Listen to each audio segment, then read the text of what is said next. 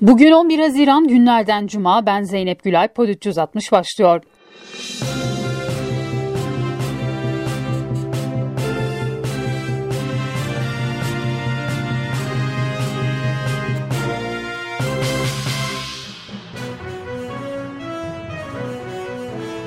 Kilis'te baraj açılışında konuşan Cumhurbaşkanı Erdoğan, dünyanın en büyük 10 ekonomisinden biri olma hedefine ulaşmaya artık çok daha yakınız dedi. Erdoğan ayrıca Türkiye'nin serbest piyasa kurallarından asla taviz vermediğini belirtti.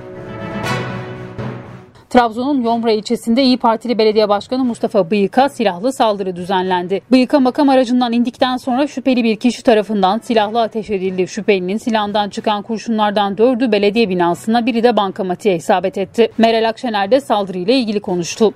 Benim evim basıldı, failleri e, beraat etti. Sayın Kılıçdaroğlu e, lince uğradı, faili beraat etti. Bu tür olayların önünün kesilmesi için yapanın yanına kar kalmaması gerekiyor.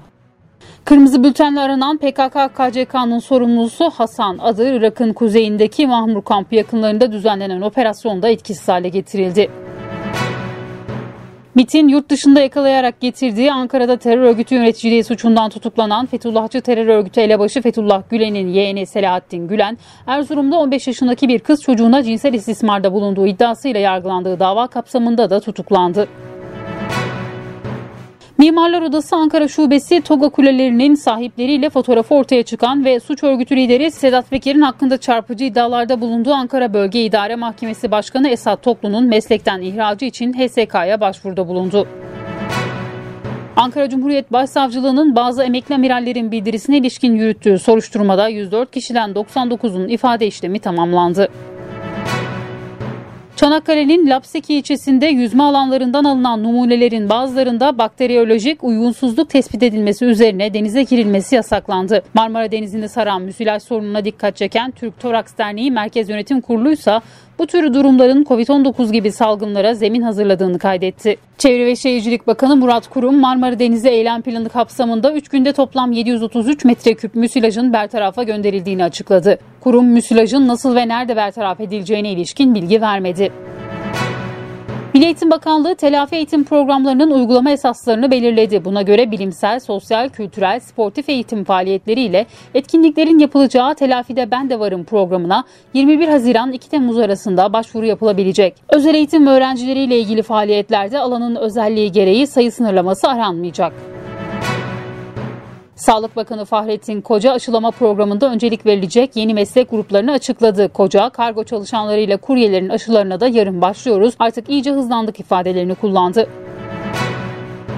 İstanbul İl Sağlık Müdürü Profesör Doktor Kemal Memişoğlu İstanbul'da şu anda Covid vaka sayılarımız çok çok azalmış durumda.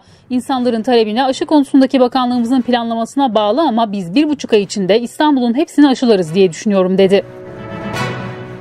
Avrupa Birliği üyesi ülkeler birlik sınırları içinde seyahatlerde kullanılacak aşı sertifikasına onay verdi. Buna göre seyahatlerde kullanılacak aşı sertifikası 1 Temmuz'da resmen yürürlüğe girecek. Aşı sertifikası ücretsiz olacak, kağıt ve dijital şekilde hazırlanabilecek.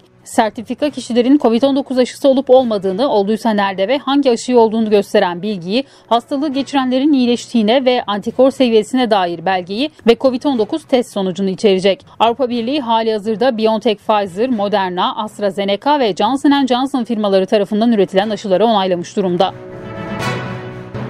Türkiye İlaç ve Tıbbi Cihaz Kurumu ağrı kesici ateş düşürücü olarak kullanılan Paranox isimli ilacın piyasadan toplatılmasına karar verdi. Berlin'de düzenlediği basın toplantısında konuşan Almanya hükümet sözcüsü Ukrayna'nın NATO'ya üyeliği konusunun şimdilik gündemde yer almadığını belirtti. Almanya'da istihbarat kurumlarının WhatsApp ve benzeri uygulamalardan yapılan şifreli yazışmalara erişiminin önünü açan tasarı federal mecliste onaylandı. Peru'da yapılan devlet başkanlığı seçimlerini sosyalist sendika lideri Pedro Castillo kazandı. Seçimin resmi sonuçlarının ne zaman açıklanacağı henüz netlik kazanmazken Castillo destekçileri zaferlerini ilan ederek kutlamalara başladı. Bu haberle Pod 360'ın sonuna geldik. Tekrar görüşmek dileğiyle hoşçakalın.